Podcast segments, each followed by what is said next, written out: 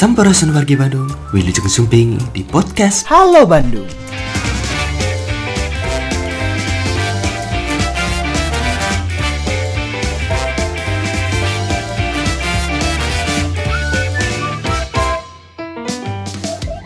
Guna mendukung pelaksanaan pemberlakuan pembatasan kegiatan masyarakat atau PPKM darurat di Kota Bandung, pemerintah Kota Bandung semakin intensif melakukan pengawasan. Sejumlah masyarakat dan sektor usaha yang tidak mematuhi peraturan Wali Kota nomor 68 tahun 2021 pun ditindak tegas.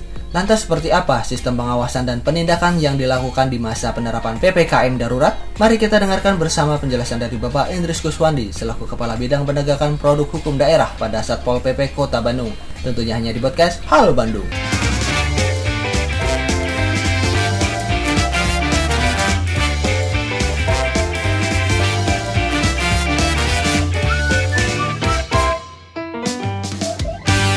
Bismillahirrahmanirrahim. Assalamualaikum warahmatullahi wabarakatuh.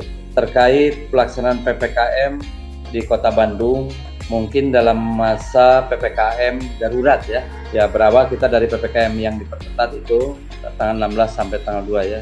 PPKM darurat ini dari tanggal 3 sampai tanggal eh, diperkirakan sampai tanggal 20 ini luar biasa dari diperketat. Sudah kita berupaya ya sedemikian rupa. Terlebih ini di masa kedaruratan. Ini dengan PPKM darurat ini luar biasa. Yang pertama tingkat kepatuhan masyarakat perlu kami sampaikan bahwa secara umum masyarakat sudah patuh. Tetapi ada sebagian yang masih belum patuh indikasinya bahwa kami masih mendapati pelanggaran-pelanggaran, baik itu perorangan ataupun badan usaha ya. Itu tingkat kepatuhan secara umum penggunaan masker itu sudah bagus. Dari beberapa kali kita operasi itu eh, hanya sebagian kecil saja. Tetapi untuk pelaku usaha ini yang masih dirasakan banyak pelanggaran secara umum sudah banyak ya apa secara umum sudah patuh tetapi sebagian wilayah itu masih didapati pelanggaran-pelanggaran baik itu yang dilakukan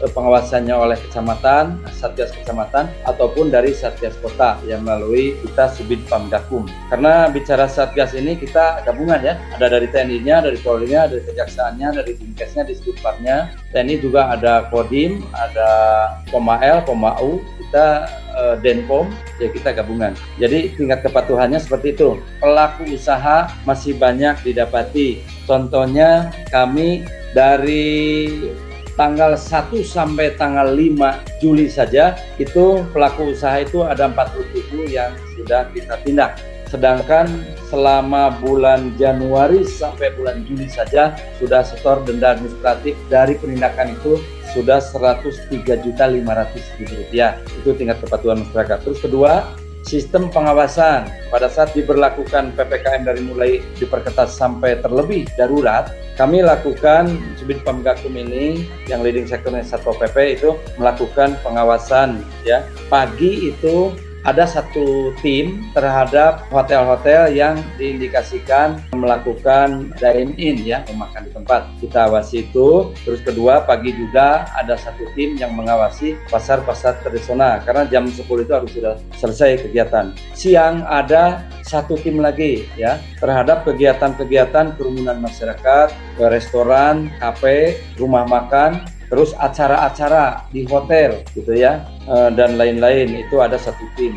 Siang juga ada satu tim terhadap pengawasan tempat hiburan malam rumah makan resto kafe kerumunan terutama bagi tempat-tempat yang biasanya ada kuliner. Nah jadi kami banyak sampai saat ini terhadap kuliner-kuliner ini karena kan PKL itu dulu tidak diatur, sekarang diatur jam operasionalnya berhenti di jam 19 seluruhnya. Itu mungkin. Terus yang ketiga terhadap sanksi. Nah, kami terapkan sanksi sesuai dengan ketentuan yaitu Perwal Kota Bandung ya dari mulai PPKM darurat ini kan telah turun Perwal 68. Dari PPKM diperketat saja ya Perwal nomor 1, 3, 4, 6, 2, 8 dan 36 itu itu sudah banyak kita lakukan sanksi. Dari mulai penghentian kegiatan, pembubaran, penyegelan dan denda administratif.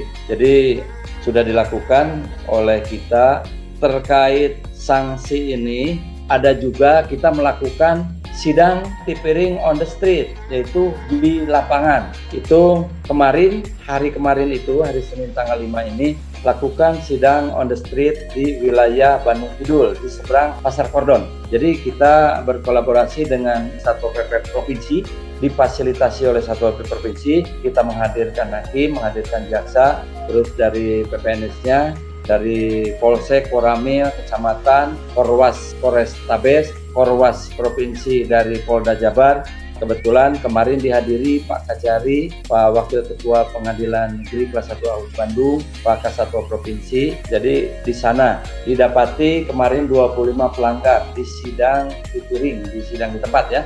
Nanti ada lagi kita akan lakukan di beberapa tempat di Kota Bandung. Kita ada jatah eh, empat kali lagi.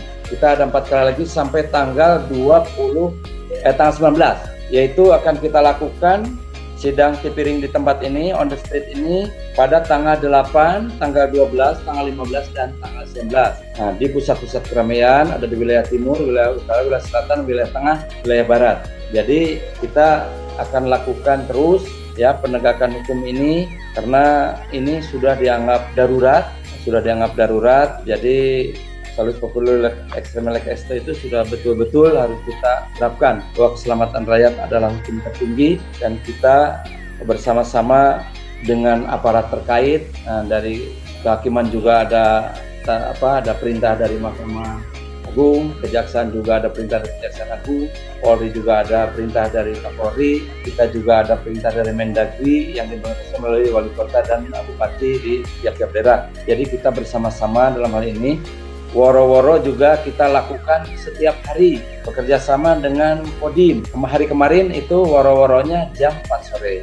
Uh, uh, tempo hari dua hari yang lalu woro-woro jam 7. Tadi woro-woro pagi uh, Kodim itu meng-hire perwakilan dari Ormas, LSM dan OKP bersama-sama dengan kita memberitahukan bahwa pelaksanaan PPKM darurat ini betul-betul harus diimplementasikan oleh seluruh masyarakat sudah banyak yang mati, rumah sakit banyak yang penuh, jadi itu kita sampaikan pada saat waro-waro itu terkait penyekatan untuk saat ini yang dilakukan di pintu-pintu tol ya itu dilakukan oleh TNI dan Polri ya. Tetapi kalau untuk uh, yang melibatkan Satpol PP terkait penutupan jalan ini di ring 1, ring 2 dan ring 3. Ring 3-nya itu kita di eh, tempat-tempat uh, tertentu sekitar 26 titik. Seluruhnya itu sekitar ada berapa ya 70 titik lah ring 1, ring 2 dan 3. Jadi kami untuk saat ini tidak dilibatkan di gate tol, tapi kami dilibatkan di uh, ring 1 2 3 itu dari mulai batas uh, kota jalan raya ya uh, arteri primer sampai arteri uh, sekunder dan jalan lokal. Jadi Satpol PP diminta bantuan dua orang per titik ya dari jam 14 sampai jam 16, dari jam 18 sampai jam 05. Penutupannya seperti itu.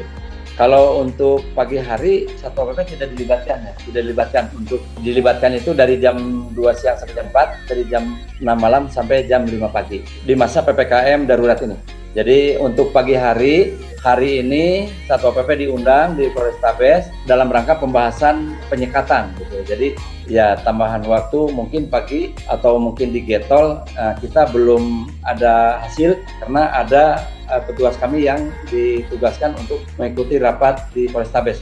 Jadi terhadap pelaku usaha ini sudah tercatat 47 yang ditindak uh, dari mulai dibubarkan, ditutup kegiatannya sampai dilakukan penahanan kartu identitas penduduk dan di, sedang diproses ke denda administratif. Tetapi untuk pembubaran itu banyak kita lakukan di beberapa tempat terutama di tempat-tempat kuliner. Terus ketiga secara paksa dari mulai tanggal 3 itu ada tempat hiburan karaoke yang sudah bayar sudah satu juta empat ratus lima puluh nih dari tanggal 3 sampai saat ini.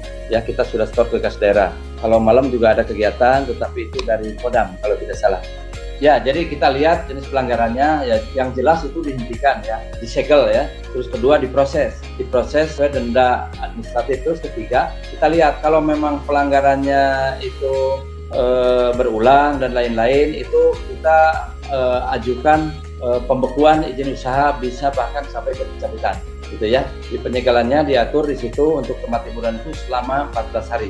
Jadi terkait pelanggaran yang dilakukan di lapangan, memang fakta seperti itu ya. Kita sudah berusaha tapi pelanggaran masih ada. Ada berbagai alasan yang mereka sampaikan ya, dari mulai alasan klasik itu terkait kebutuhan. Hal yang mendasar itu sudah jelas ya. Uh, itu mereka jadikan alasan. Terus yang kedua terkait sosialisasi. Ini kan uh, perwa ini cepat kita ya, perubahannya atau penggantiannya cepat. Jadi alasan mereka katanya belum mengetahui, tidak tahu. Memang di lapangan juga ya dari pihak kewilayahan. Ada yang sudah memberikan surat edaran menindaklanjuti lahirnya perwal. Ada juga yang bersifat woro-woro. Nah itu, jadi woro-woro ini dijadikan oleh pelanggar itu bahwa kami belum diberitahukan Pak, karena di tempat lain sudah ada surat dari camat lain kan itu.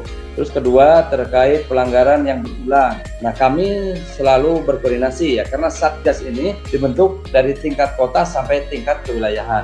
Jadi ada satgas kota, ada satgas kecamatan. Bahkan di Kepwal ini ada satgas kelurahan. Tapi kita eh, selalu berkoordinasi dengan satgas kecamatan. Nah idealnya memang pada saat kami itu melakukan tindakan yang dalam hal ini kita harus mengawasi seluruh uh, wilayah Kota Bandung.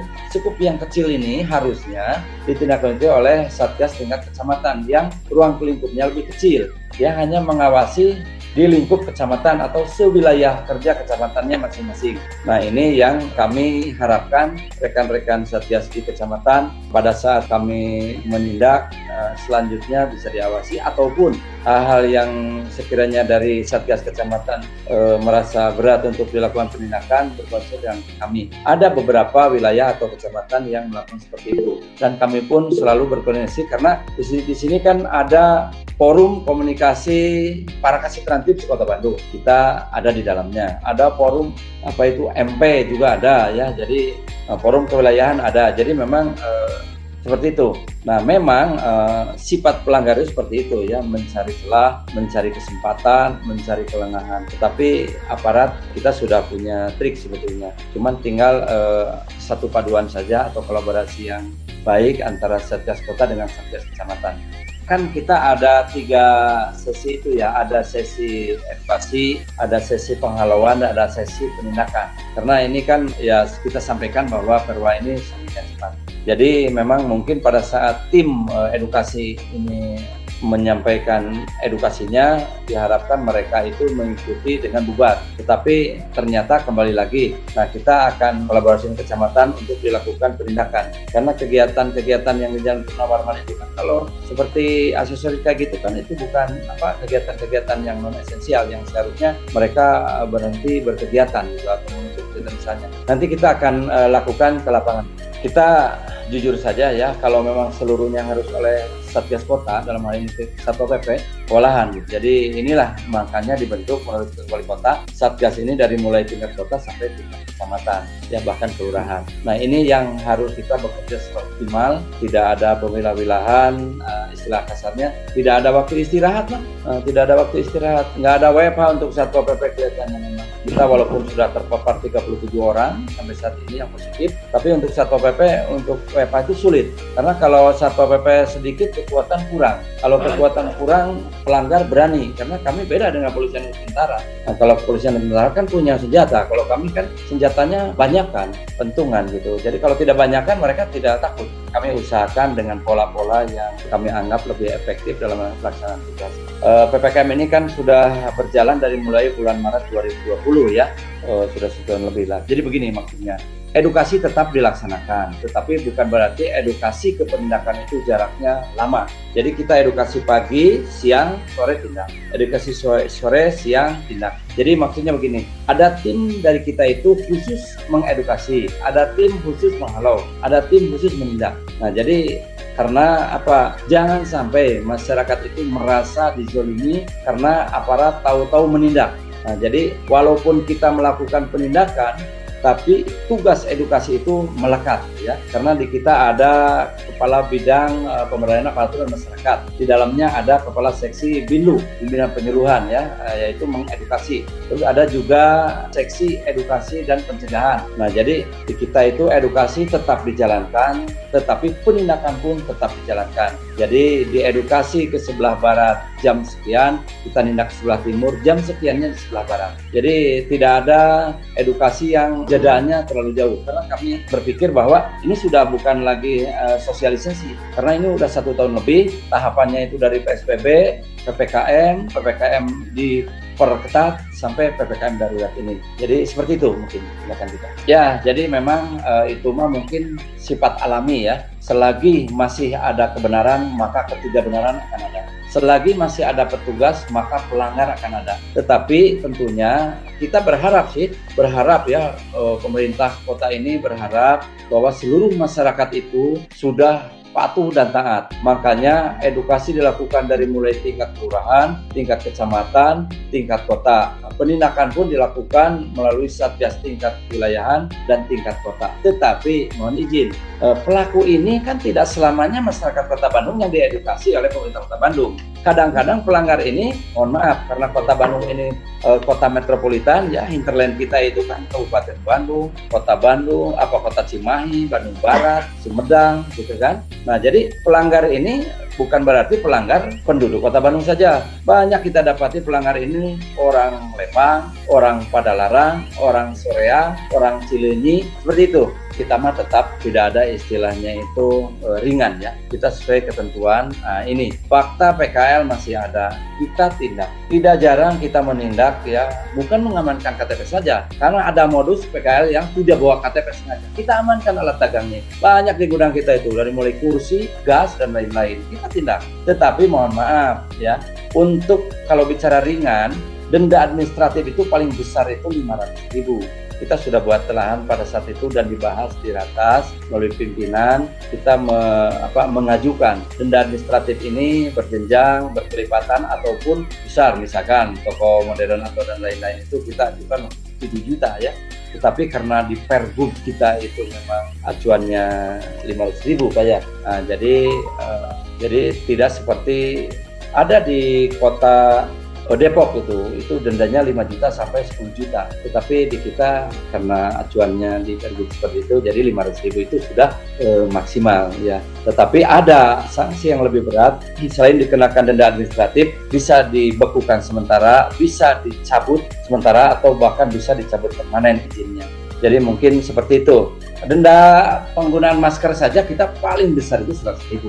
Ada yang 50, ada yang gimana ininya kita ya situasional. Orang yang mau ke pasar hanya bawa duit 60 ribu saja kalau denda 100 ribu, terus dia pulang dan lain-lain ya kita mungkin karena paling besar atau sebesar-besarnya 100 ribu itu kita kenakan misalkan 50 dan lain-lain. Jadi denda itu memang bisa disebut kecil di Kota Bandung ya. Makanya perlu yang denda tahun kemarin saja denda administratif dari uh, pelanggaran perda itu kita hanya sampai 170 juta. Sekarang sampai saat ini dari mulai bulan Januari baru 103 juta 500 rupiah. Itu dari sekian ratus pelanggar yang denda administratifnya paling besar 500 ribu. Mungkin sementara yang bisa disampaikan seperti itu jadi harapannya mohon uh, kebersamaan dari seluruh lapisan, baik itu masyarakat maupun aparat. Kita sudah bukan lagi hal yang biasa, ini sudah luar biasa. Bukan yang normal, tetapi ini yang sudah darurat. Ya, himbauan kami, kami walaupun lelah, kami tetap melaksanakan tugas. Walaupun banyak yang terpapar tidak kendor, bahkan saya sendiri sudah mengalami dengan keluarga ya tapi tugas negara ini memanggil kita. Kami mohon seluruh lapisan ya, bukan bukan aparat saja, masyarakat, semua komponen masyarakat itu bersama-sama lah kita memiliki tujuan yang sama mempercepat selesainya COVID ini. Masa kita dipermainkan oleh COVID gitu. Jadi yang meninggal sudah banyak, yang sakit sudah banyak, rumah sakit banyak penuh, kita menjaga hotel juga tempat isoman, kita melaksanakan tugas sehari-hari dengan tiga sip ini, pagi, siang, dan malam, tanpa lelah. Apalah artinya aparat bekerja siang malam dengan tidak mempedulikan keselamatan diri pribadi demi tugas. Kalau memang masyarakatnya belum memiliki kesamaan langkah gerak dalam rangka mempercepat selesainya ini. Mungkin itu. Dan kami uh, hanya sedikit curhat, kami itu sudah bekerja kami sudah melangkah, tetapi tolong pekerjaan kami dan langkah kami didukung oleh masyarakat. Jangan sampai aparat bergerak A, masyarakat bergerak B. Ini tidak akan nyambung.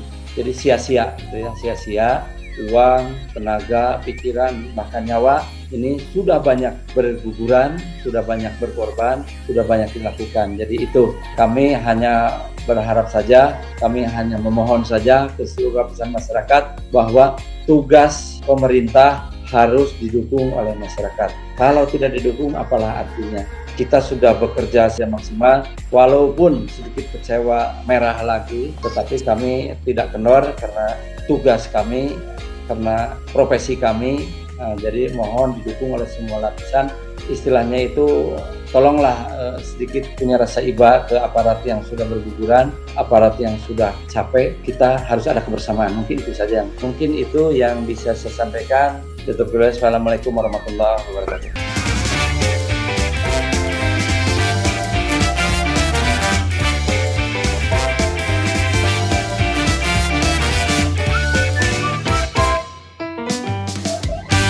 Nah itu dia tadi penjelasan dari Bapak Indris Guswandi. Seperti yang disampaikan bahwa para pelanggar didominasi oleh para pemilik usaha. Para pelanggar disanksi mulai yang ringan sampai pada penerapan denda administrasi sebesar 500.000 hingga dilakukan penyegelan. Pada umumnya masyarakat sudah memahami aturan PPKM darurat. Secara individu, masyarakat bisa menjaga standar protokol kesehatan. Hanya saja para pelaku usaha kerap kali kucing-kucingan dan tetap membandel. Sejak Januari hingga Juni 2021, Satpol PP mencatat ratusan pelanggar sudah ditindak dan diberi sanksi denda administrasi dan terkumpul sebesar 130 juta 500 ribu. Agar penerapan PPKM darurat ini berjalan optimal dan sesuai yang diharapkan, yaitu mengakhiri pandemi COVID-19, maka diperlukan kolaborasi dan dukungan dari masyarakat. Dengan demikian, apa yang sudah dilakukan baik oleh pemerintah maupun masyarakat sampai sejauh ini tidak sia-sia. Sampai jumpa di podcast Halo Bandung episode berikutnya. Ingat, di mana pun dan kapan pun kita berada, tetap terapkan 5M. Memakai masker, mencuci tangan, menjaga jarak, mengurangi mobilitas, dan menjauhi kerumunan.